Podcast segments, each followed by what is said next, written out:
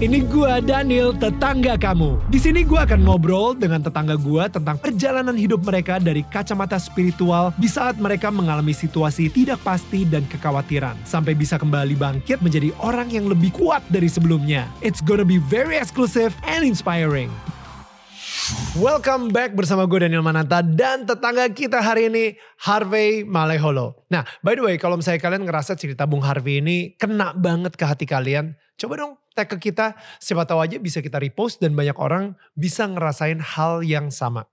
Well, follow aja at Daniel Mananta Network atau at Daniel Tetangga Kamu. Now, let's get back to the one and only Bung Harvey. Gini Bung, um, fondasi apa yang Bung Harvey punya sampai bisa tahan sama ketenaran. Gak semua orang lo bisa handle ketenaran. Kedua, uh, peer pressure. Saya nggak tahu kalau misalnya di sekitarnya Bung Harvey saat itu pada nawarin narkoba kah atau ya kan, maksudnya yang namanya dunia entertainment tuh mungkin ada, ada. ya kan. Da, tapi bagaimana supaya Bung Harvey itu bisa benar-benar kayak sorry saya nggak nyobain gitu dan sampai sekarang ini Bung Harvey bisa dibilang itu yang paling aman gitu. um, uh, dan saya seperti saya bilang tadi ya bahwasanya um, di umur yang relatif muda saya udah udah berkecimpung ya. Jadi saya pergi sendiri hmm. ya.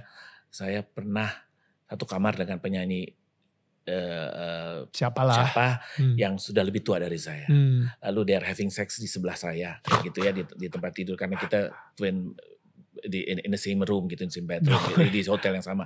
Nah saya mengalami itu gitu. Right. Tetapi tetapi tet, itu sebetulnya seperti yang tadi anda uh, kasih tahu juga um, uh, bahwasanya faktor keluarga itu penting. Faktor keluarga. Keluarga itu penting banget. Ayah saya tuh pada saat saya 17 tahunan ya. 17 tahun tuh saya benar-benar udah udah terjun banget gitu ya di dalam dunia tarik suara ini. Ada saya ngomong, ini ada yang namanya seks bebas. Ya, seks itu sebetulnya harus dilakukan pada saat Anda sudah menikah. Tapi Papa mau ngomong sama kamu. Sebagai seorang laki-laki, seks itu menyenangkan. Ya, dan bisa dilakukan tanpa ada ikatan perkawinan. Bisa dilakukan. Hmm. tapi yang sebetulnya adalah pada saat ada ikatan perkawinan baru boleh ada hmm. seks gitu. Nah kalau tapi kalau seumpamanya worst come to worst kamu mau melakukan hubungan seks ini ini ada yang namanya kondom. Kondom. Ada yang namanya apa alat-alat itu. Ya. Itu saya dibicarakan, saya umur diomongin. umur berapa by the way? 17-an deh, 17 wow. 18 tahun wow, gitu. The top. Karena saya yeah. umur 14 kan udah Iya, udah nyanyi, ya. Iya, iya, Dan iya. saya mengalami hal-hal yang seperti saya ceritakan tadi, tidur iya. sebelah dengan iya. orang yang having iya. seksi sebelah saya gitu dan iya, segala iya. macam. Bisa saja saya ikutan iya. di dalam di dalam iya. ini ya kegiatan tersebut dan lain iya. sebagainya. Nah, itu yang dikatakan oleh ayah saya dan saya juga melakukan hal itu dengan anak-anak saya yang laki-laki. Kasih tahu laki -laki. umur 17 untuk ini ada yang namanya ada seks, ada yang namanya drugs. Bukan cuma uh, drugs itu juga saya bicara. Malah kalau anak-anak saya yang laki saya bawa ke tempat rehabilitasi. Wow. Itu saya bilang, saya juga peminum, saya juga suka minum. Hmm. Dulu ya zamannya sekarang sih udah nggak berani lagi deh kalau hmm. ya paling socially ya. ya. Atau wine like kayak gitu. Ya. Tapi zaman dulu tuh kan saya juga suka minum gitu. Jadi anak-anak saya kalau mau minum, eh mau papa minum. Hmm. Gitu ya. Um, ke tempat rehabilitasi nih. kalau yang itu saya kasih tahu. Kalau yang ini kamu tidak boleh coba. Kalau minum oke. Okay. Ya. Rokok ya kamu kalau mau coba rokok oke. Okay. Tapi itu nggak ada gunanya. Tapi ya. sampai akhirnya sekarang anak-anak saya nggak ada yang merokok minum minum minum bir minum minum wine minum ya. minum minum keras minum tapi semuanya tahu batasnya ya. artinya ya. Self enak juga ya, kalau ya. sampai udah lewat tuh paginya bangunnya hmm. orang anak-anak sekarang bilang bekonde lah ya, ya. sakit inilah ya. langit-langit dan lain sebagainya nggak enak nggak ada yang nggak ada yang nggak ada yang menyenangkan ya. lebih dari semuanya hmm. nah tapi masalah narkoba ini tidak boleh dicoba. jangan dicoba sama sekali hmm. hasilnya akan seperti begini wow Wow. Saya karena saya sadar bahwa anak-anak tuh saya sadar bahwa kita sekarang ini harus lebih. Dulu zaman saya kecil mungkin ya memang situasinya juga membuat kita dekat sama orang tua. Ya. Ya. Uh, sekarang ini yang namanya handphone ada ya. itu yang bisa membuat gadgets itu juga bisa membuat kita jauh dari anak-anak. Ya. Dan saat ini justru menurut saya kita lebih harus lebih harus effort. lebih effort Ya. untuk dekat sama anak-anak. Ya. Bukan secara materi juga, tetapi secara sentuhan. Hmm. Istri saya tuh sampai sekarang ini tuh sekarang udah nggak karena yang pertama udah menikah kemarin ya. Hmm. Joshua udah udah menikah di Mei- eh, yang lalu, udah tinggal sama istrinya. Hmm. Sekarang saya cuma tinggal sama yang si kecil sama Ben. Ben. Itu em, apa namanya? Ada setiap bulan satu kali harus tidur sama-sama kita di, di, di kamar kamar kita dua tempat tidur kita dua kali dua kan. Jadi anak-anak sama ada extra bed satu deh kalau Ah, iya. anak sakit. Nah Ah, ibunya iya. tuh selalu kalau anak sakit mesti tidur di sini. Jadi ibunya setiap ini bangun pegang demam atau enggak lagi. Jadi tempat tidur itu selalu ada kalau lagi enggak, enggak ini tinggal dilipat gitu ya. Tapi kalau mereka lagi tidur di rumah ada movie night kita di Ya. kamar tuh ya sebulan sekali tuh. Nah sekarang cuma tinggal sama band. Ya. Lalu sekarang sedang diusahakan ada kita tuh sebetulnya lihat dari ada salah satu film seri ya di ini tuh bahwa mereka tuh selalu kakek, ayah sama anak-anaknya tuh sama cucunya tuh empat generasi itu selalu ada lunch di rumah setiap seminggu sekali. Nah itu Ya. sedang kita coba terapkan di That's keluarga so good. kecil kami untuk sekedar Ya. ngobrol lah, ngobrol Ya, ya. aja. And di sana kita handphone mesti ditaruh nggak ada yang boleh. Ya, nggak nggak boleh ngecek boleh ya. pakai, ngecek segala That's so good. cuman 10 menit eh, apa satu jam juga nggak ada yang inilah kalau Ya. nggak lihat headphone Kayak kita lagi try tuh membuat suasana seperti itu Ya. komunikasi di, di keluarga kita kayak gitu. Udah berapa lama married ya? Saya, Ya. saya 30, saya masuk ke 32 tahun. Oktober ini 32. Oh, that's an achievement. 32 tahun, that's amazing Bung Harvey. So, um, balik lagi ya ke ke zaman itu gitu ya. Bung Harvey ngerasa peak karirnya banget ketika mungkin jadi macan festival kah, ketika menangin kompetisi tertentu, ketika penjualan album banyak banget sampai akhirnya dapat mobil atau dapat rumah. Hmm. When when was that? Saya pernah mengalami semua itu, Daniel, yang kamu Oke. sebutkan tadi. Saya dapat mobil dari hasil penjualan album, oke, Mhm. saya pernah lakukan itu.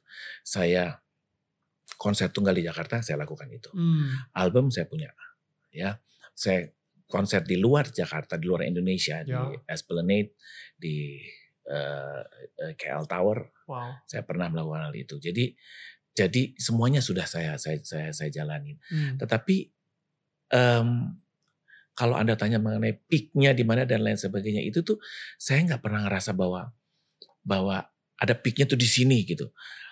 Em, karena menurut saya itu semua again hasil kerja keras jadi pada saat saya jadi juara ya oke udah jadi juara gitu. Tapi nggak jadi karena saya jadi juara kalaupun mau di mau di mau peaknya itu antara em, saya memasuki dunia ini tuh pada saat saya menjadi juara di di, di bintang radio tersebut. Tapi setelah itu ya jadi juara jadi juara. Tapi makanya itu juga mungkin yang membuat saya tuh nggak pernah, aduh waktu gue juara ini tuh gila ya gue sampai gini, gini. sekarang gue kenapa kenapa nggak pernah juara lagi atau atau Hmm. gue kok kenapa album gue nggak pernah ini saya nggak pernah pikirin tuh Hmm. jadi saya nggak pernah nggak pernah ngerasa bahwa ini peaknya saya tuh di sini sekarang saya udah menuju ke bawah dan segala macam itu untuk saya tuh sesuatu yang yang yang normal sesuatu yang akan di yang akan dialami oleh semua orang gitu loh. Hmm. sekarang how to to apa ya how to em, menyikapinya itu aja untuk saya sekarang ini. Jadi kalau anda tanya kapan peaknya saya lupa ya saya nggak tahu ya apa. Nggak pernah tuh ada rasa bahwa di sini saya wah saya udah di sini. Enggak ya of course eh, produktivitas mungkin ya. Eh, di di era 80-an gitu ya sampai 90-an akhir tuh produktivitas saya tinggi artinya eh, eh, presentasi eh, shows gitu ya di da- dalam dalam maupun di luar negeri itu eh, bisa sampai sebulan tuh bisa bisa 20 ha- 20 kali gitu ya show dan lain sebagainya.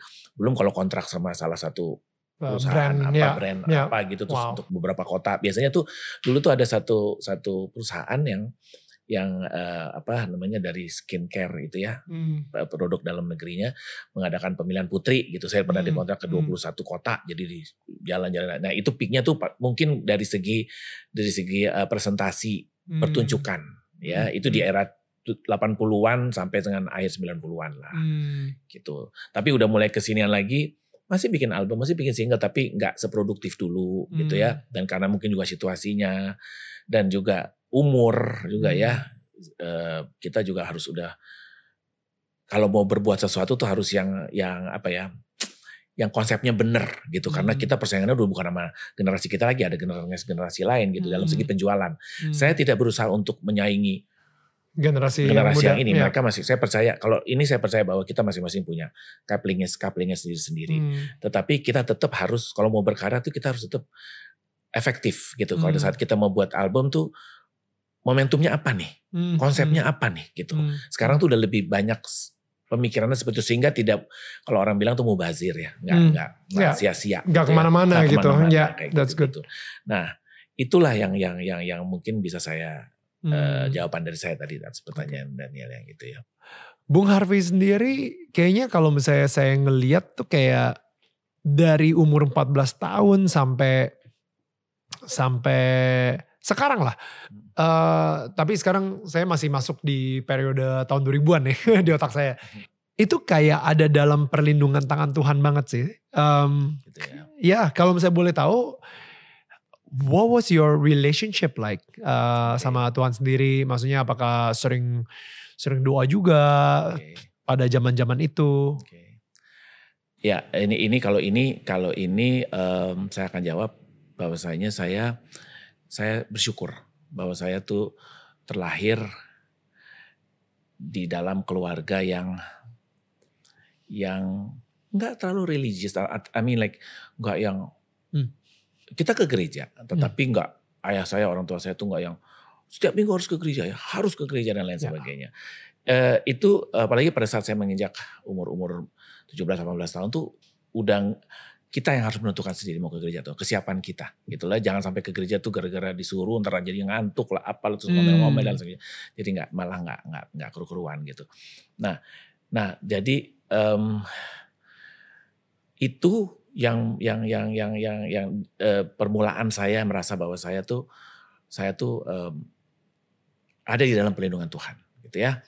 Nah apalagi pada saat saya mulai berkecimpung di bidang seni suara ini gitu ya kita sendiri tahu seperti yang tadi kita udah bicarain sebelumnya ya bahwasanya masalah ya, di sekitar bebas, hmm. narkoba dan lain sebagainya itu hmm. sangat rentan, sangat hmm. ada gitu di sekitar kita ya. Hmm. Uh, makanya itu ayah saya juga dengan dengan apa namanya uh, orang tua saya dan bicara mengenai mengenai hal tersebut, jalan keluarnya dan sebagainya. Nah, itu itu adalah perjalanan saya sampai sekarang ini saya merasa bahwasanya lahir sebagai seorang Kristen atau mengenal Tuhan itu beda di zaman itu sama zaman sekarang saya gitu ya. oh, ya. Okay. Bahwasanya saya lahir sebagai orang Kristen ya memang saya lahir sebagai orang Kristen. Tetapi bahwasanya saya sebagai orang Kristen yang sudah diselamatkan oleh Tuhan di di dalam perjanjian di dalam Alkitab itu saya itu itu itu itu berkembang sekarang ini. Artinya uh, sebagai seorang Kristen itu bukan jaminan kita terlepas dari dari segala cobaan gitu loh ya. Saya juga manusia biasa, saya juga juga banyak sekali masalah yang saya hadapi. Tetapi ke sininya justru saya mengalami hal-hal yang yang yang membuat diri saya tuh sadar bahwasanya kita berdoa ke gereja dan lain sebagainya pada saat saya mulai boleh dikatakan mulai mulai uh, mengenal bahwa Tuhan uh, ada bersama dengan saya itu tuh beda sekarang ini. Seperti misalnya ya, saya bikin bikin uh, single saya yang terbaru ini ya, hmm. single rohani ini uh, di setiap janjiku ini tuh sebetulnya kerinduan saya untuk bikin bikin uh, single atau album rohani itu udah puluhan tahun yang lalu. Hmm. Tetapi saya selalu berpikir bahwa, waduh saya bikin album apa namanya sekuler aja persiapannya gimana, bikin konsepnya ini dan segala macam. Artinya saya kalau pada saat bikin rohani itu saya harus harus lebih daripada itu kan saya ingin saya buat ini untuk Tuhan. Hmm. Tetapi yang saya dapat bahwasanya bukan itu ternyata. Hmm. Kalau ingin ingin membuat lagu rohani atau atau membuat sesuatu untuk Tuhan itu hati kita persiapan mempersiapkan hati kita untuk bisa bukan bukan orkestrasi harus lebih hebat daripada ini dan segala macam. Yang akhirnya notabene saya membuat single terbaru saya Rohani itu hanya dengan iringan gitar. Hmm, itu yang biaya produksinya nggak terlalu besar. Hmm. Yang tadinya saya pikir, waduh kalau yang sekunder aja saya hmm. eh sekuler aja saya biayanya gila-gilaan ini relatif murah gitu. Tetapi saya ngerasa bahagia gitu bahwasanya oh saya akhirnya saya bisa bikin single rohani saya. Kerinduan hmm. saya ini hmm. bisa ter bisa terjawabkan gitu ya. Hmm. Tidak dengan apa yang saya pikirkan sebelumnya bahwa harus gini, harus kita orkestra dan lain segala hmm. macam. Dari sisi pembiayaan juga harus lebih gitu Enggak juga tuh gitu. Dan uh, satu lagi bahwasanya kalau um, kita ngerasa bahwa kita kita sudah menyerahkan diri kepada Tuhan, Tuhan tahu loh bahwasanya kita nggak sepenuhnya menyerahkan dirinya kita nggak surrender bener kita kita tetap masih ada ininya kita Ego. untuk untuk untuk. Saya tuh saya tuh suka bercanda sama teman-teman saya kalau teman-teman saya mau bikin TikTok gitu ya. Hmm. saya bilang aduh nggak deh nggak ya. 47 tahun gue gue di dunia jaga jaga semua image gue dan segala macamnya itu hancur gara-gara TikTokan begini gitu ya dan segala macam kayak gitu. Nah itu itu padahal sebenarnya saya cuma bercanda-bercanda tetapi itu sebetulnya terakhir, akhirnya tuh jadi saya merasa bahwa sekarang ini oh ternyata apa yang saya ngomongin segala macam itu tuh gambaran dari saya tuh masih mempergunakan kekuatan saya. Saya nggak wow. menyerahkan Tuhan untuk untuk ini untuk menjaga 47 tahun saya berkarya gitu loh. Hmm. Gitu nggak? Itu itu sebetulnya sambil saya bercanda tapi sebenarnya itu ya ada kebenaran dalam kebenarannya situ. tuh adalah ada saya mempergunakan kekuatan saya untuk menjaga ini semuanya. Saya nggak menyerahkan itu untuk Tuhan. Ketika eh, Bung Harvey bilang gitu. kayak gila, gua udah ya, mm -hmm. gua udah membangun karir gue di entertainment selama 47 tahun mm -hmm. dan itu akan hancur gara-gara gue ngedance TikTok. TikTok uh. Itu artinya 40 apa ini ini maksudnya kalau bisa dirangkum ya, uh. kesadaran bahwa sebenarnya 47 tahun itu bukan lu juga loh yang ngebangun. Itu. Itu hadiah dari itu. Tuhan juga itu. loh. Kayak itu, gitu maksudnya. Itu dan dan gila lo gue ngejaga loh. Bukan Tuhan yang ngejaga kan adanya kan. Kan gitu ya. Wow. Gue ngejaga itu dan segala macam. Nah, itu emang bercanda ngomongnya. Memang tapi akhirnya aku nggak pernah nggak pernah ada di TikTok saya gimana gimana dan segala macam. Ya. Dengan itu pertama terus kedua, wah gue nggak bisa di bisa nggak dibuka pintu sama anak-anak gue kalau gue ikutan TikTok dan segala macam. Tapi itu sebetulnya uh, arti lebih dalamnya lagi adalah saya nggak percaya ada Tuhan yang jaga saya yang menjaga ininya saya gitu. Bukan nggak oh. percaya di bawah alam sadar saya ya bahwasanya mungkin saya saya masih mempergunakan kekuatan saya. Padahal di setiap doa saya saya selalu ngomong loh bahwa Tuhan yang terjadi biarlah terjadi menurut hmm. kehendakmu jangan saya dan saya surrender. Saya selalu uh, di dalam di dalam beberapa kegiatan saya tuh saya percaya bahwa uh, saya nggak nggak bisa seperti ini kalau nggak ada pertolongan Tuhan. Tetapi sebenarnya ada beberapa hal-hal yang ini lihat contoh yang yang kadang-kadang nggak konsisten saya gitu ya bahwasanya ya gitu saya bicara mengenai mengenai Tuhan saya surrender sama Tuhan semuanya Tuhan yang entur saya saya sampai jadi begini karena Tuhan. Tapi sisi lain tuh saya juga masih mempergunakan kekuatan saya gitu loh. Um, jadi jadi uh, ke sini tuh saya apalagi saya mengalami hal-hal seperti saya saya ingin sekali ibu saya menghadiri pernikahan cucu pertamanya gitu ya. Bukan cucu hmm. pertamanya artinya cucu laki-laki Malaiholo. Ya. Pertama gitu ya. ya. Tapi ibu saya meninggal beberapa bulan sebelum sebelum apa namanya? sebelum uh, Joshua menikah gitu hmm. ya.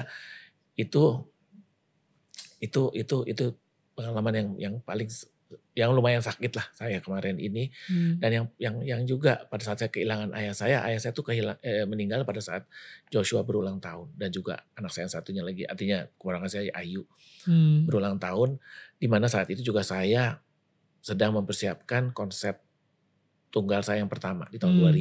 2000 hmm. nah jadi hal-hal tersebut tuh yang yang um, pada saat terjadi itu saya ngerasa bahwa Tuhan tuh nggak adil gitu ya. ya kenapa sih nggak panjangin sedikit lagi waktu hmm. ayah saya untuk melihat saya konser, ibu saya untuk melihat hmm, cucu laki-lakinya cucu laki-laki menikah, Malohu, Malohu pertamanya menikah kayak gitu. hmm. gitu. Nah, tapi terus akhirnya saya pikir lagi, kita kan udah nyerahin semua sama Tuhan.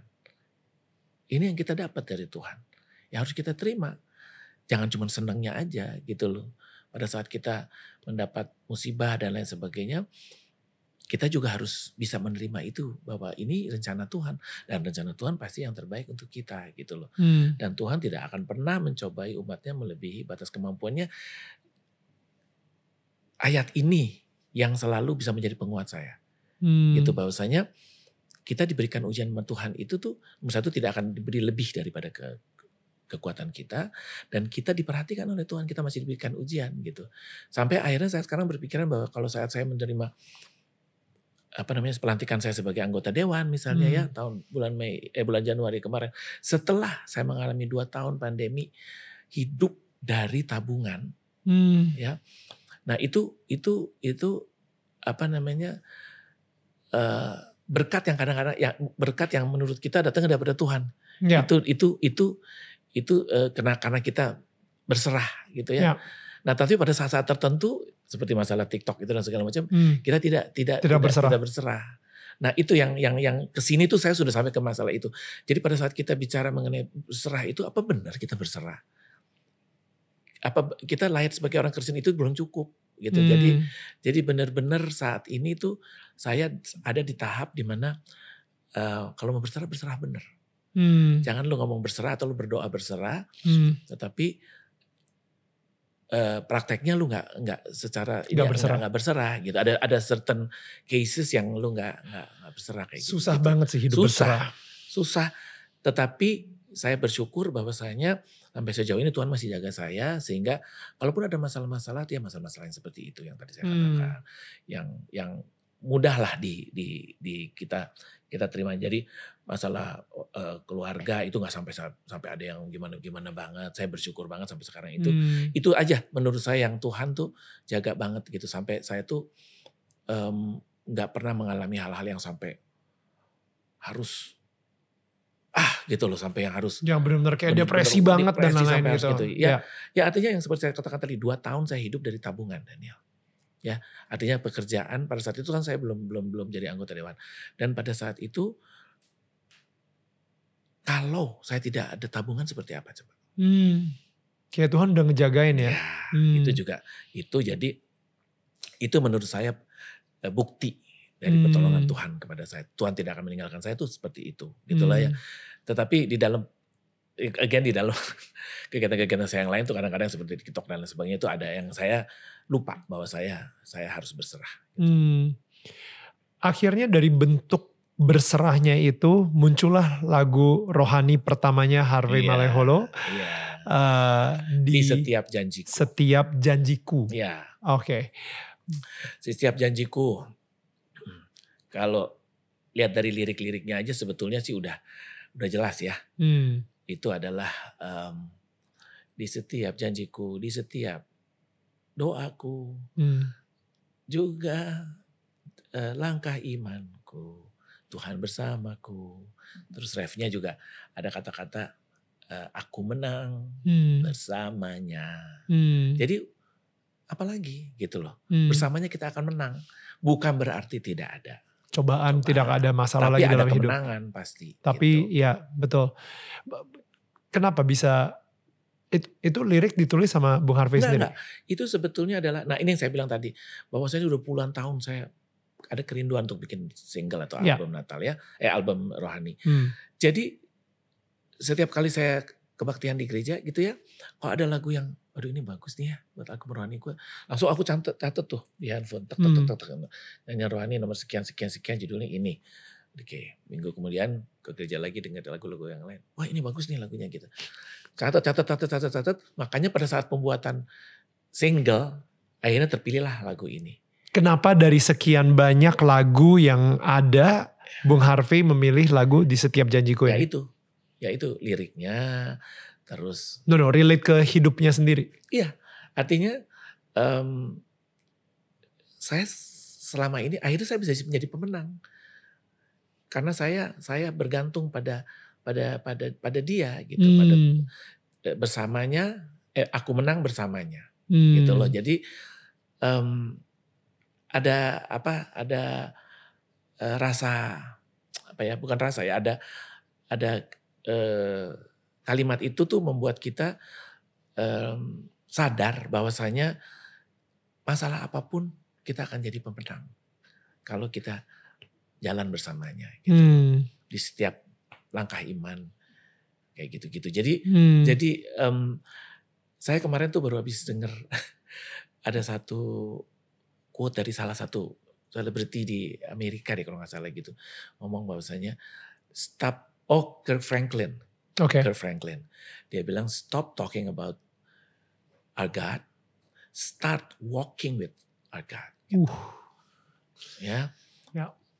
nggak tahu kenapa saya kemarin lagi nonton nonton flipping Ya. channel gitu ada ada awarding apa gitu terus dia ngomong kan Wow. beliau ini kan juga sempat di sempat di apa namanya di ada kontroversi jadi rohaninya dia tuh album rohaninya dia tuh ad- sebagian para rohaniawan itu tuh Mhm. merasa bahwa ini ini sangat Hmm. tidak rohani gitu loh ya Hmm, hmm. Mereka berdebat lah. berdebat lah ada perdebatan itu makanya dia bilang itu stop talking about God but start walking with God gitu Saya setuju banget eh, Bung Harvey karena saya baru aja dapat link dari teman saya gitu. Jadi kayak ada pembicaraan, conversation aja, conversation antara Muslim dan Kristen ngomongin tentang eh I don't know. Eh, tapi sehat. Ini ini sehat, bukan bukan debat gitu, tapi ini sehat. Mereka diskusi dan lain-lain gitu kan.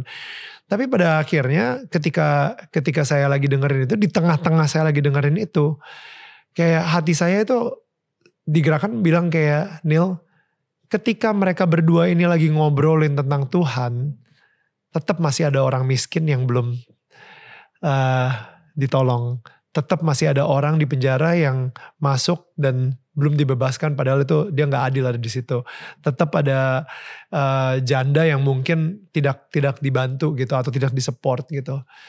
Ya apa gunanya lu debat-debatin soal agama kalau misalnya em, lingkungan sekitar lu nggak nggak membaik gitu. saya kalau kamu ngomong ini saya jadi ingat almarhum ayah saya Hmm. Seperti saya katakan tadi bahwa kita saya saya lahir di tengah keluarga yang tidak harus setiap minggu ke gereja harus gini harus kita Hmm. melakukan ini dan segala macam tetapi saya selalu bilang kehidupan atau cara kamu hidup bertetangga Hmm. itu yang menggambarkan kekristenan kamu Uh. ya artinya kita nggak usah bicara bahwa kita kita hidup atau ber, ber, ber, ber- apa namanya berinteraksi dengan yang sesama kita Hmm. Justru Hmm. kita bisa berhubungan saya bisa mendapat eh, bukan sombong ya Daniel ya saya bisa bisa diulosin pada saat saya menikah Hmm. saya bisa menjadi warga terhormat dari ada dari komunitas Padang Hmm. Hmm. gitu ya Sumatera Barat Hmm. karena saya pernah menyanyikan lagu menjadi juara lagu eh, festival lagu Minang gitu ya Hmm. Nah itu itu sebetulnya adalah adalah eh, gambaran kamu sebagai orang Kristen Hmm. bahwa kamu bisa Hmm. bisa berhubungan dengan orang yang berlainan ras, berlainan suku, berlainan agama. Hmm. Itu itu itu ya Daniel tetangga kamu deh ya gitu ya. Iya. Bahwasanya kamu sama tetangga kamu kamu bisa hidup berdampingan. Ya. Artinya artinya kamu ke gereja setiap minggu tapi kalau kamu ribut sama tetangga, kamu tidak kamu ngomongin apa yang ada, kamu tidak bisa Gibahin tetangga eh, misalnya. gitu, dan dan kamu ke apa namanya bakti sosial ke Hmm. mana ke yatim piatu dan lain sebagainya tapi ada keluarga kamu yang membutuhkan Hmm. kayak gitu-gitu makanya saya saya penganut orang yang saya orang yang yang yang menganut bahwasanya kalau kita mau ya itulah guys gitu, eh, kalau tangan kanan kasih tangan kiri nggak perlu tahu Ya. Gitu ya Hmm. jadi kalau kita mau kasih juga nggak perlu panggil panggil apa, media untuk Hmm. saya mau ini nih bakti sosial ke rumah eh ke mana ke mana ke mana dan lain sebagainya Hmm. ada eh, apa namanya em, apa teman saya ya em, dia punya yayasan ya bahwasanya dia mau, mau bilang bahwa saya ada yayasan saya ini saya butuh uang segala macam it's fine Hmm. nggak apa-apa karena mereka memang butuh Ya. untuk menghidupi yayasan ini Ya, ya. apalagi yang menyangkut orang sakit atau anak-anak Hmm. sakit dan segala Hmm. macam tetapi pada saat kita datang Hmm. untuk memberi sumbangan kepada panti asuhan Hmm. rumah jompo dan lain sebagainya untuk saya nggak terlalu penting untuk Hmm. orang temuannya tahu atau panggil media untuk Betul. kasih lihat dan lain sebagainya Saya eh, nggak tahu kenapa saya di di eh, dapat this picture ya. Jadi eh, ini analogi aja gitu. Em, contohnya nih ada seorang miskin eh, gembel lah di pinggir jalan dan abis itu ini ada tiga orang. Orang pertama ketika dia ngelihat orang miskin tersebut dia ngeluarin uang 100 ribu, abis itu dia Instagramin, abis itu dia kasih ininya, abis itu dia make sure semua orang ngeliat bahwa dia ngasih uang 100 ribu. Itu hatinya dari apa? Itu hatinya penuh dengan pride, harga diri gitu kayak, wah ini 100 ribu gue ini nih make sure harus harus ini kan uh, harus, ada efek. uh, harus ada efeknya gitu sangat transaksional banget gitu nah orang yang kedua wah pas ngeliat si pengemis ini dia ngeluarin 100 ribu karena dia bilang amit-amit jangan sampai gue jadi miskin juga kayak dia. Aduh nih gue kasih 100 ribu deh mudah-mudahan gue gak kena sialnya ya. Itu lahir dari hati yang penuh dengan ketakutan. Lu memberi tapi karena hati lu itu penuh dengan ketakutan kalau suatu saat lu bisa jadi miskin juga kayak dia. Tapi orang yang ketiga dia ngerasa Tuhan tuh memberkati dia begitu besarnya dan dia seneng banget, dia bersyukur banget padahal dia ngerasa gak layak untuk diberkatin sebegitu besarnya. Dan ketika dia ngelihat pengis tersebut, dia ngelihat kayak bagaimana Tuhan ngelihat diri dia. Dan akhirnya dia memberi karena rasa syukur. Ya. Dan itu yang menurut saya memberi dari hati yang tepat, hati yang uh, penuh syukur. dengan cinta, hati penuh dengan syukur. Itu dia kenapa namanya thanksgiving. Yeah. Kita bilang thanks kepada Tuhan by giving kepada seseorang gitu. Jadi kalau misalnya kita ngasih dengan hati yang penuh dengan pride, atau kita ngasih dengan hati yang penuh dengan ketakutan, menurut gue buahnya akan gak enak, bakal yeah. pahit. Tapi ketika kita memberi dengan hati yang penuh dengan syukur, men, kita juga joyful, kita juga seneng dan pasti. dan apakah orang-orang nanti nggak tahu kalau misalnya ini ya ya nggak apa-apa, yang penting Tuhan tahu. Saya tuh kadang-kadang ya Daniel ya, bukannya saya juga sekali lagi ya, saya kalau saya bantu orang gitu ya, saya nggak pernah nggak pernah ingat bahwasanya oh saya udah pernah bantu kamu ya saya pernah bantu kamu hmm. malah kadang-kadang tuh pada saat misalnya ada pernikahan keluarga gitu dan segala macam itu saya bantu gitu ya. Terus puluhan tahun setelah itu tuh sekarang-sekarang ini tuh adik saya bilang kan lu yang waktu itu kawin saya tuh udah lupa saya tuh udah nggak ini. Dan kadang-kadang tuh saya juga kalau ketemu orang-orang yang gitu kalau nggak ada lu waktu itu yang bantu tuh saya nggak tahu saya nggak hmm. nggak inget siapa yang saya udah bantu. Semua orang semua orang ponakan saya semuanya manggil saya Godfather, Papa Serani, Papa Ani, panggilnya wow. semuanya gitu ya. Sampai yang yang yang yang my God children sendiri yang yang bener-bener tuh saya udah nggak tahu gitu loh wow. karena semuanya manggilnya Papa Ani, Papa Ani, Papa Ani, Papa Ani dan segala macam kayak gitu. Nah ini juga membuat saya teringat bahwasanya saya tuh setiap kali saya lewat lewat jalan terus ada mobil yang mogok gitu ya, hmm. saya selalu loh Daniel ngomong, aduh mudah-mudahan Tuhan bantu ya supaya mobilnya cepet cepet hmm. ini gitu lah.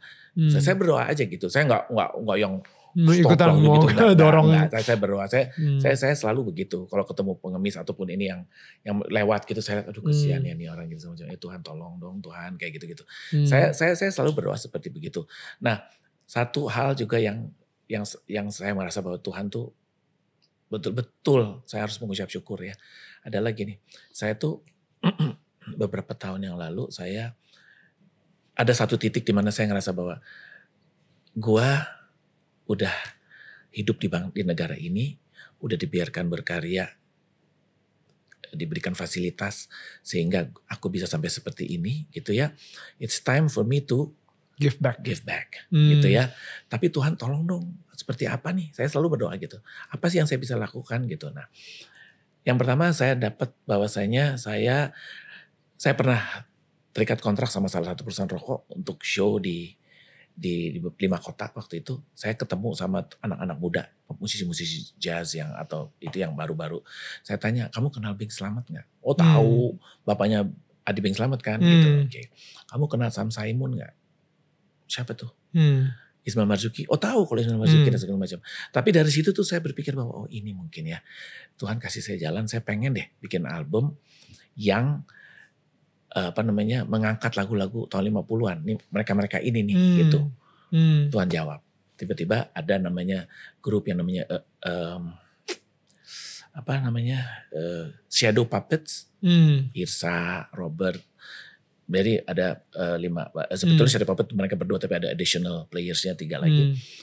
Tiba-tiba datang tawaran kita mau bikin album tahun 50-an hmm. karena karena mereka grup jazz kan.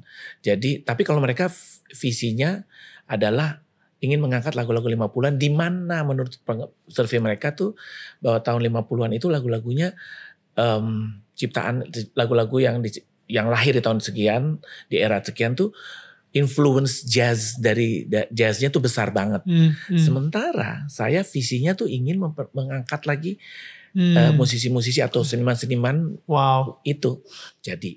Hmm. Ya aduh saya merinding tuh. Hmm.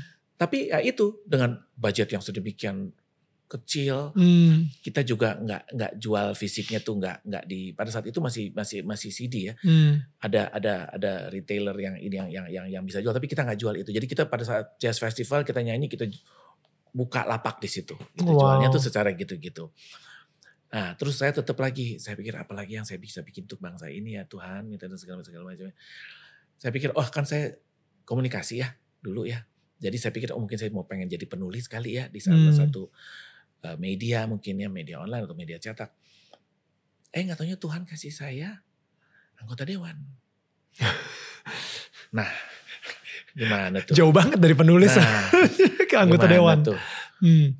Memang saya interest sama politik, artinya sebagai apa namanya uh, bukan pelaku, belum belum sampai pelaku, tapi saya senang gitu. Saya baca koran, saya senang, saya into politik, artinya hmm. saya mengikuti gitu ya. Hmm. Dan karena menurut saya tuh politik itu di dalam kehidupan sehari kita berpolitik gitu loh. Hmm, Pada saat hmm. kita melakukan ini kita juga berpolitik gitu ya. hmm. ya. Nah, ada tujuannya gitu kita melakukan hmm. apa pun yang kita lakukan itu kan itu it's politik gitu ya. Hmm. Nah, Tuhan kasih ini.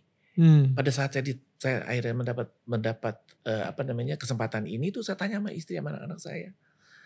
Ini bukan main-main loh. Ini saya mewakili Indonesia. Uh, ya. Mewakili dapil saya daerah pemilihan saya loh. Hmm, hmm. Mengangkat aspirasinya gitu. Nah, istri saya ngomong, kamu kan minta hmm. dari Tuhan. Apa yang kamu bisa lakukan untuk bangsa ini? Nah Tuhan kasih ini. Tuh, hmm. Jadi wow. ternyata apa tuh namanya um, uh, melakukan perkara-perkara kecil, hmm. nanti Tuhan akan memberikan yang besar. Itu terjadi gitu ya. loh. Saya kita setia saya, sama perkara setia kecil. dengan perkara kecil. Saya tuh saya tuh nggak nggak pernah nyangka kalau bisa sampai sejauh begini. Jadi anggota dewan. Jadi anggota hmm. dewan. Padahal dulu pernah nyalek juga, tapi kalah gitu ya. Sebetulnya pertama kali nyalek ini saya kalah. Hmm. Tetapi saya PAW ada yang meninggal pemenang, Betul. pemenang pertama. Jadi saya menggantikan gitu. Hmm. Makanya makanya uh, Januari, di tengah-tengah Januari ya. baru saya dilantik. Januari 22. Tetapi hmm. itu again, terus istri saya juga bilang, coba Tuhan tuh baik banget. Kamu dilantik dua eh, setelah dua tahun berjalan, hmm. eh, eh, periodenya. Gitu Periode, ya. ya. Nah, kenapa? Karena kamu baru di sini, jadi kamu dikasih teman Tuhan dua tahun untuk belajar, hmm. mengenal politikus-politikus yang yang yang yang ada di partai kamu maupun partai-partai luar. Gitu. Hmm. Kamu juga diperkenalkan untuk untuk uh, di, di apa namanya disuruh belajar sama hmm. Tuhan. Hmm. Makanya kamu dapatnya tuh setelah jadi PAW-nya tuh setelah dua tahun ini gitu. Hmm. Itu baru saya oh iya ya. Coba kalau kamu dapat pada saat pas pas caleg, pas, ya. caleg itu belum tentu kamu udah udah se udah se ini udah udah apa namanya udah se apa ya udah bisa belajar sebanyak ini gitu hmm. selama dua tahun hmm. kamu nggak nyalek gitu hmm. kayak gitu nah jadi jadi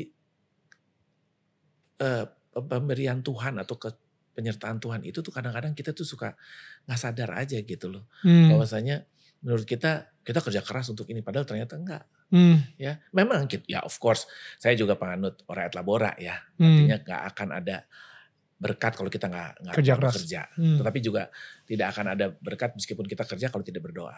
Gitu hmm. Gitu kan? That's good. Dan kebalikannya seperti itu. Itu saya saya saya saya saya setuju dengan itu. Artinya hmm. nggak hmm. itu itu itu dua hal yang harus berjalan bersamaan. Nggak bisa sendiri sendiri. Hmm.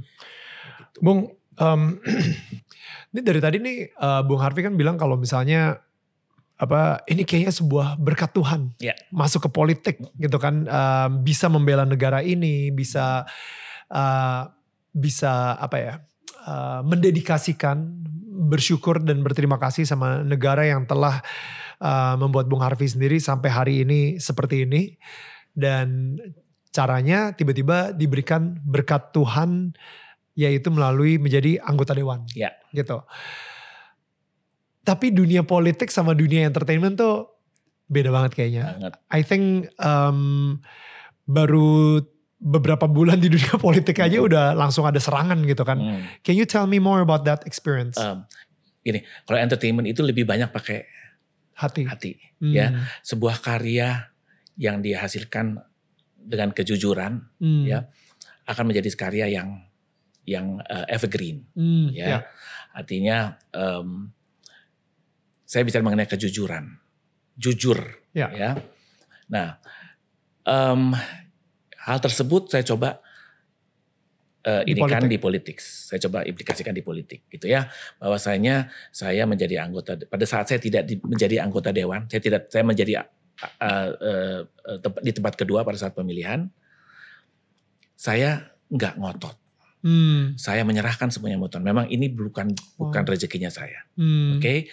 Nah, tetapi pada saat saya percaya bahwa kalau memang itu miliknya saya akan terjadi dan hmm, akhirnya dan terjadi. Terjadi okay? jadi anggota dewan. Jadi Tuhan Tuhan apa namanya saya percaya itu semuanya jalan Tuhan. Nah pada saat saya terjadi artinya saya nggak pernah pada saat yang nggak jadi pun saya kan nggak pernah tim sukses saya marah-marah nangis dan segala macam hmm. bicara mengenai wah ini suaranya Bung Harfi diambil bla bla bla bla bla hmm. bla bla. Saya bilang stop. sayang saya percaya sama Tuhan. Sekali lagi saya bilang saya percaya sama Tuhan bahwasanya kalau memang ini bukan milik saya saya tidak akan jadi. Nah, akhirnya terbukti. Hmm. Kalau memang milik saya, saya terjadi. Tapi memang terjadi dua tahun setelah periode berjalan, gitu Hmm. ya. Nah pada saat, jadi berdasarkan itu saya merasa bahwa saya dapatnya juga tidak dengan ti- tidak dengan ngoyo, tidak dengan Hmm. cari ini, cari itu, gimana caranya gitu. Hmm. Saya Hmm. tahu orang nomor satunya saya yang juara itu yang yang menjadi eh, apa pilihan pertamanya itu adalah orang yang tidak sehat Hmm. secara fisik sakit dan lain Hmm. sebagainya. Tapi saya tidak mendoakan supaya cepat-cepat meninggal supaya saya bisa. Enggak, Hmm. enggak. Enggak apa-apa dia sampai akhir periode juga dia masih ini saya juga enggak apa-apa. Hmm. Jadi saya mendapatkan ini tuh bukan hasil saya gerasa gerusuk ke sana kemari. Hmm. Jadi pada saat saya duduk di anggota dewan Ya. juga, saya merasa bahwa nggak ada musuh di situ. Seperti apa yang saya lakukan di dunia entertainment, saya berkarya, saya menjalankan apa tugas-tugas saya. Hmm. Kalau sampai pada saat beberapa bulan itu tiba-tiba saya kena musibah gitu Hmm. ya, saya dapat banyak sekali telepon dari pendeta, dari teman-teman saya dan segala macam. Basically yang saya terima ini juga salah satu salah satu yang yang yang saya pikir dari Tuhan saya dapat ya. Oke. Basically yang saya terima adalah minta ma minta maaf sama Tuhan, Hmm. minta pengampunan sama Tuhan dan mengampuni mereka yang terlibat atau yang atau ya, ya yang terlibat di dalam di dalam Hmm. musibah ini. Hmm. Wow. Cuman itu dua kata itu. Minta maaf sama Tuhan, mengampuni Hmm. orang yang orang yang- atau mereka siapa pun itu yang yang yang terlibat di dalam musibah Wow. ini. Cuman dua kata itu. Dua dua dua dua dua kalimat itu. Hmm. Dan saya melakukan hal itu. Hmm. Wow. Akhirnya aku menang bersamanya gitu. Uh, see, spoken like a true macan festival. Saya jujur penasaran lebih ke respon keluarga, respon istri, Oh. respon anak-anak, Oh. respon orang-orang sekitar yang mungkin udah lama kenal sama Bung Harvey. Oh. Like how was what you know apa yang mereka lakuin? Uh, mereka sih udah udah udah deh. Saya sih bersyukur punya mereka semua. Saya betul-betul betul-betul bersyukur istri saya, anak-anak saya, adik-adik saya, Ketika ponakan-keponakan saya, teman-teman saya semuanya, semua, semuanya. Mereka tuh betul-betul cuman cuman cuman cuman apa ya? nggak ada yang ngomong apa-apa sama saya dan tapi saya tahu begitu ketemu it's not you. it's not you. It's not you. It's not you. Pada asar, pada dasarnya it's not you. Itu saja. Jadi jadi em, ini benar-benar udah bersamanya aku menang gitu loh. Hmm. Manusiawi sakit, manusiawi terjerembab. Media berusaha menghancurkan. Eh, you name it. Ya. Tapi tapi again eh, apa namanya? em, aduh kalau baca itunya sih sakit banget deh. komentar-komentar netizen. Komentar-komentarnya kayak gitu segala macam yang yang yang yang nggak tahu apa-apa gitu tapi nah ini yang yang di sini juga saya belajar. Saya panggil anak-anak saya, Hmm. Setelah saya kemukakan semua teman-teman eh apa namanya ponak, eh, saudara-saudara saya, ponakan-ponakan semuanya yang kami itu sangat dekat. Hmm. Kami sangat erat persaudaraan kami adik-adik sama ponakan. Saya ngomong, saya cuma bilang bahwasanya um, saya nggak perlu ngomong apa-apa sama kalian, kalian tahu siapa saya. Dan apa namanya, yang perlu kalian ambil dari kejadian ini adalah jangan menghakimi orang. Kalau kamu tahu, apalagi kamu tidak tahu masalahnya. Apalagi kamu hanya tahu dari dari media-media dan segala macam. Jangan pernah menghakimi. Ini salah satu contohnya. Ya. Saya saya cuma ngomong begitu dari dari kejadian ini yang saya bilang bahwasanya jangan pernah menghakimi ya apalagi lewat media dan lain sebagainya. Nah, ya. Jangan, jangan, jangan. Ya. Itu itu it's not fair gitu. Hmm. Uh, jadi sekarang ini tujuannya Bung Harvey ada di politik itu untuk apa? Maksudnya apakah ada peraturan baru yang akan dibuat? Apakah di bidang musik kah? Royalti lagi kah? RUU permusikan yang dulu pernah dicanangkan oleh Anang Hermansyah misalnya. you know, ini, apa nih? What's, pada what's dasarnya the... kan kita kembali ke yang tadi ya, bahwasanya saya minta sama Tuhan untuk bisa berbuat sesuatu untuk bangsa ini. Hmm. Saya disadarkan oleh istri saya, ini kamu minta nih, kamu hmm. dapat nih. Hmm. Ya sekarang, udah, sekarang yang kamu bisa lakukan apa? Nah, sekarang saya kan ada di komisi tadinya di komisi 9. Hmm. Bicara mengenai kesehatan. Hmm. Ya, saya melakukan apa yang saya ditugaskan. Di sekarang saya pindah ke komisi 5. Hmm. Itu apa? Komisi nih? 5 itu bicara mengenai uh, mitra kita tuh Menteri Perhubungan, infrastruktur. Oke. Okay. Infrastruktur perumahan dan hmm. sebagainya gitu. Nah, jadi saya mengembalikan apa yang bangsa ini sudah berikan kepada saya lewat tugas-tugas yang saya lakukan hmm. di dapil saya dalam hmm. hal ini Papua Barat. Oke. Okay. Ya. Oke. Okay. Nah, nah um, kalau saya dipindahkan ke Komisi 10 misalnya, hmm. itu ya itu yang membidangi budaya, hmm. pariwisata dan sebagainya. Kenapa enggak? Bisa saja saya bicara mengenai hmm. musik. Hmm. Ya. Jadi jadi sekarang di di di politik itu ya saya berkarya lewat lewat apa yang bisa saya lakukan untuk dapil saya untuk mem, me, apa ya mem, mendengarkan aspirasi dari eh, masyarakat daerah pemilihan okay. saya untuk bisa di dikawal, hmm. dikawal ke kementerian atau lembaga yang bersangkutan untuk bisa di di di direalisasikan. Hmm. Oke. Okay. Hmm. Bung Harvey takut gak sih setelah 47 tahun di dunia entertainment dan begitu masuk ke dunia politik sepertinya kayak 47 tahun itu bisa sia-sia. itu yang aku saya bilang, itu yang saya bilang tadi di depan Daniel. Uh -huh. Itu yang saya saya lakukan. Itu yang saya ternyata Tuhan cemburu. Saya bilang saya berserah tapi ternyata saya mempertahankan diri saya. Hmm. Saya 40 tahun saya tahan, saya jaga. Jangan ada gosip ini, hmm. jangan ada gosip itu, jangan ada gosip ini, jangan ada gosip itu. Hmm. Oh, lu mau lebih kuat dari gue. Gitu ya. Kamu lebih dari gua. Ya. Oke, okay, nih. Ya. Hmm. Gitu. Jadi now saya sekarang saya senang. Saya saya berbahagia. Artinya um, yang pertama saya tetap ada di dunia entertainment. Hmm. Saya juga sudah sudah bisa masuk dan bisa fit in di di di politik saya sudah mulai tahu kena kenaifan kenaifan yang tidak boleh saya masukkan di hmm, di di dunia politik di dunia politik artinya um, politik is politik hmm. jadi kejujuran keju, bukan saya bilang saya harus berbohong ya tapi hmm. lebih waspada aja waspada hmm. waspada dan uh, apa namanya um, dengerin deh kata-kata orang. Hmm. Maksudnya teman-teman yang di, di dunia politik. Saya banyak yang ngomong hmm. hati-hati sama handphone sama ini dan hmm. gitu. Tapi again saya pikir saya nggak pernah jahatin orang.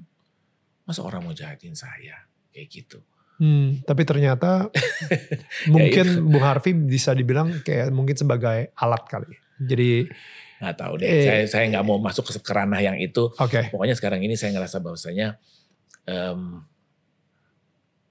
peringatan untuk saya. Ya. Saya harus lebih hati. Welcome to politics Welcome gitu. ada ada teman saya si si si Farhan ya. Oh iya. bilang gitu. Oh. Well, gue kan udah bilang sama lu belantara nih tempat ini hutan belantara jadi, jadi oh, I love Om Farhan okay. gue sering lari bareng sama dia soalnya mm. yeah, it's so yeah, funny dia yeah. dia sampai nangis dia sampai dia sampai nangis loh dia sampai nangis? dia sampai Om Farhan sampai nangis? Dia sampai bilang gue nangis Vi gue ngerasa kenapa gue gak jagain lu ya gitu. Hmm. gue bilang Han terima kasih nomor satu. Lo lo lo ngerasa lo mesti jagain gue tapi ini gue harus alami memang mungkin ya. Gue bilang bukan mungkin memang gue harus ngalamin ini gitu. Supaya gue tahu bahwasanya apa yang lo omongin itu betul gitu. Bahwasanya gue harus mengindahkan apa yang diomongin sama teman-teman termasuk lo gitu hmm. saya bilang gitu hmm. jadi ternyata di samping banyak orang yang gimana-gimana banyak lebih banyak yang lebih cinta sama ya, saya gitu uh, yang sayang sama saya Bung Harvey itu kayaknya yang sangat penting sih Bi biarpun media udah ngomong seperti itu, uh, netizen ngomongnya seperti itu, tapi kalau misalnya orang-orang yang penting buat kita, yang di dekat kita, yang gak percaya, gak ngedengerin apa kata media, apa kata netizen, tapi benar-benar fokus untuk terus nge-support dan bilang it's not you, itu kita tetap punya hope ya. Tapi itu deh dua kata, dua kata, dua, dua pernyataan itu tuh. Hmm. Minta, maaf, sama, maaf Tuhan, sama Tuhan dan mengampuni. mengampuni Hmm. Udah itu aja untuk saya yang menjadi penguat penguat saya pada saat itu. Hmm. Dan of course keluarga, hmm. orang-orang yang dekat sama saya, yang cinta sama saya, yang hmm. memberi support itu itu itu itu itu uh, hal yang saya harus syukuri. Gitu. Hmm. Hmm. Dan sepertinya masih tetap dijaga sama Tuhan ya. Masih sampai akhirnya rasa syukur tersebut muncullah si lagu rohani lagu ini, ini gitu. Ya.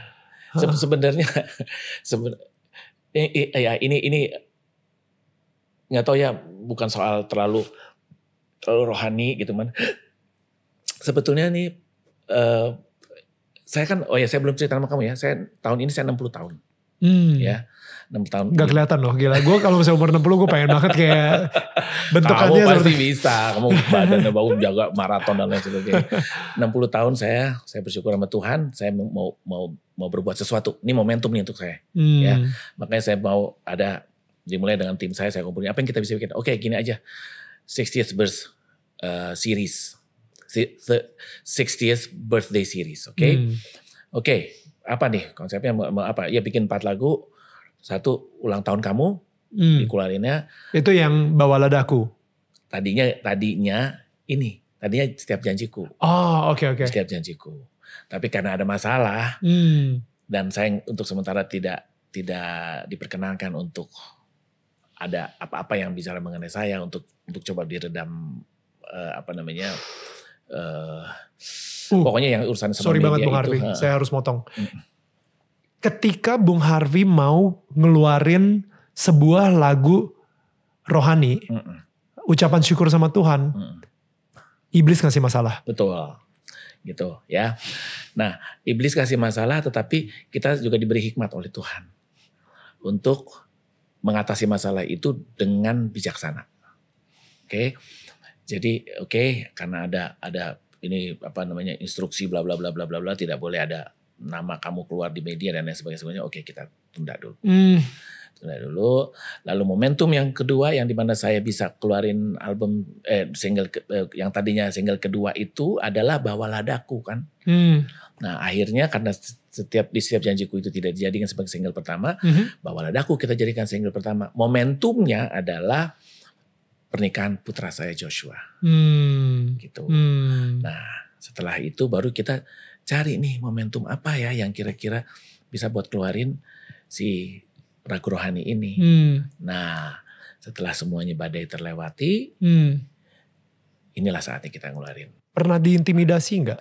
Maksudnya untuk tidak pernah mengeluarkan lagu ini sama sekali lagu rohani. Kayak misalnya, contohnya ya, saya nggak tahu nih, um, terintimidasi kayak ya so suci nanti netizen bakal bakal ngomongin lagi dulu berita lu ini sekarang ngomongin Tuhan you know sampai akhirnya lagu itu tidak akan pernah terilis iya.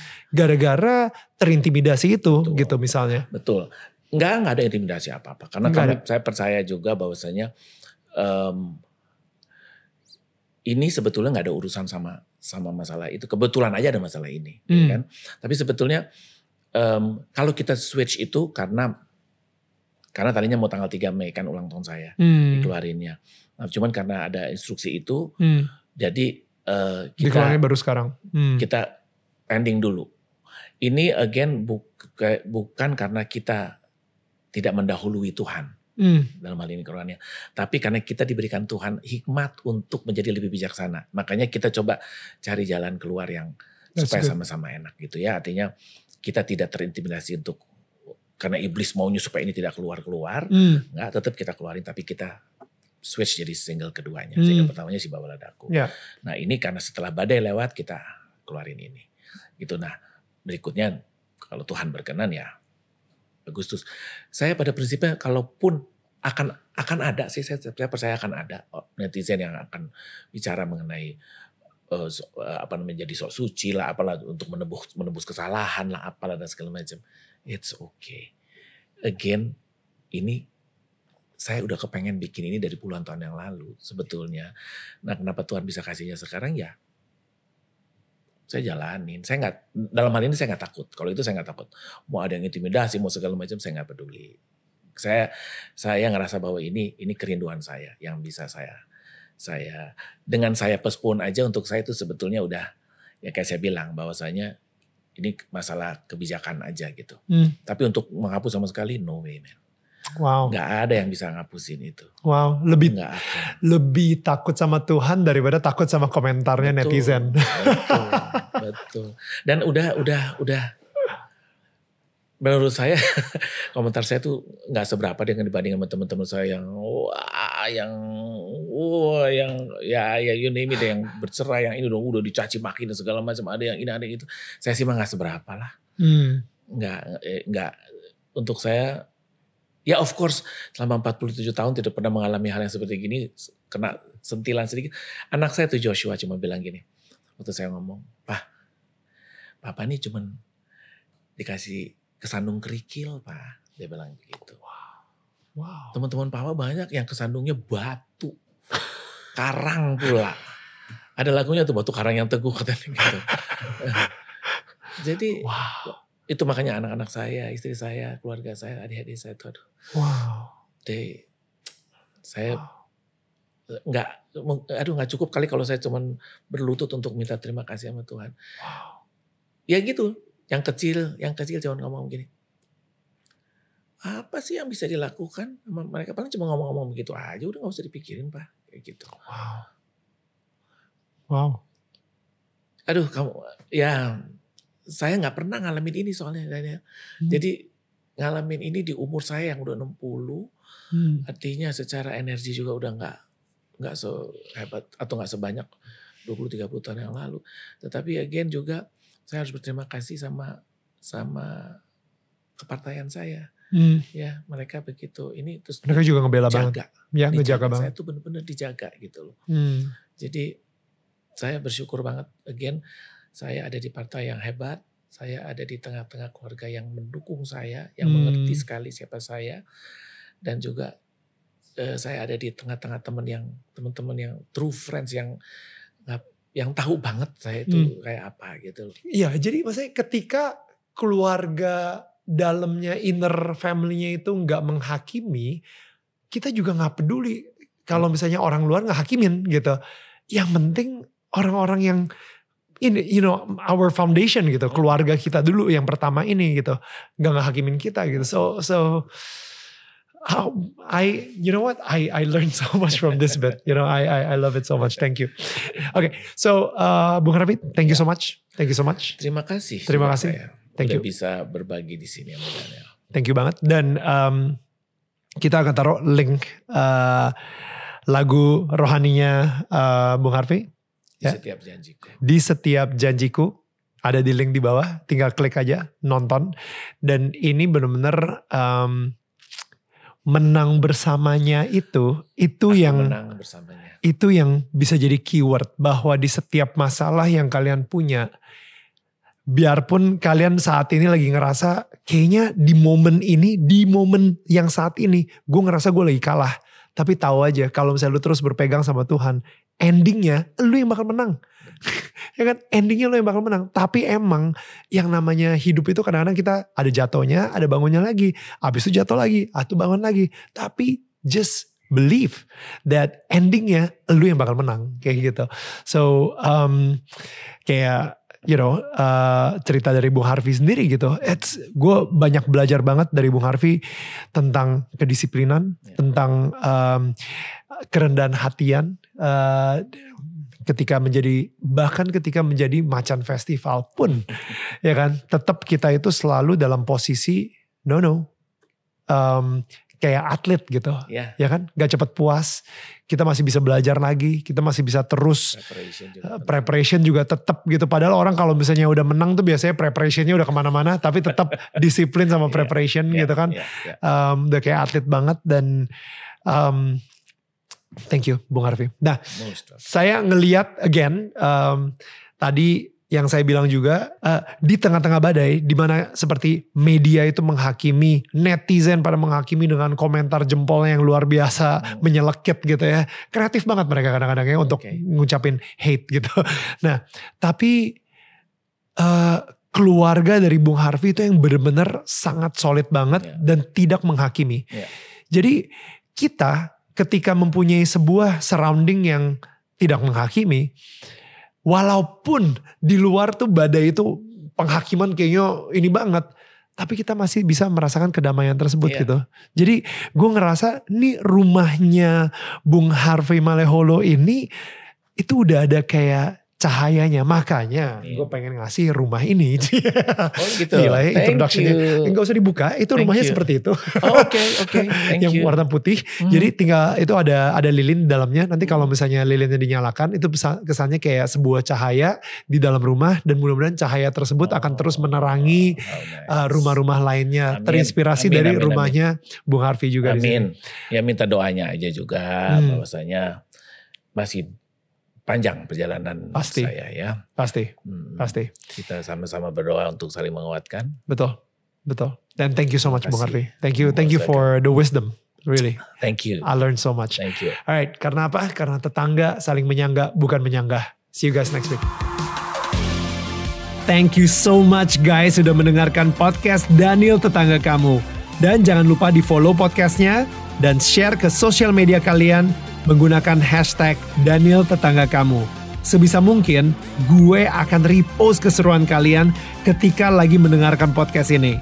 Kalian juga bisa menyaksikan Daniel Tetangga Kamu setiap hari jam 4 sore waktu Indonesia bagian Barat di channel YouTube Daniel Mananta Network. Karena setiap minggunya akan ada sosok-sosok inspiratif yang akan menceritakan perjalanan hidup mereka dan hubungan mereka dengan Tuhan. Sampai ketemu minggu depan.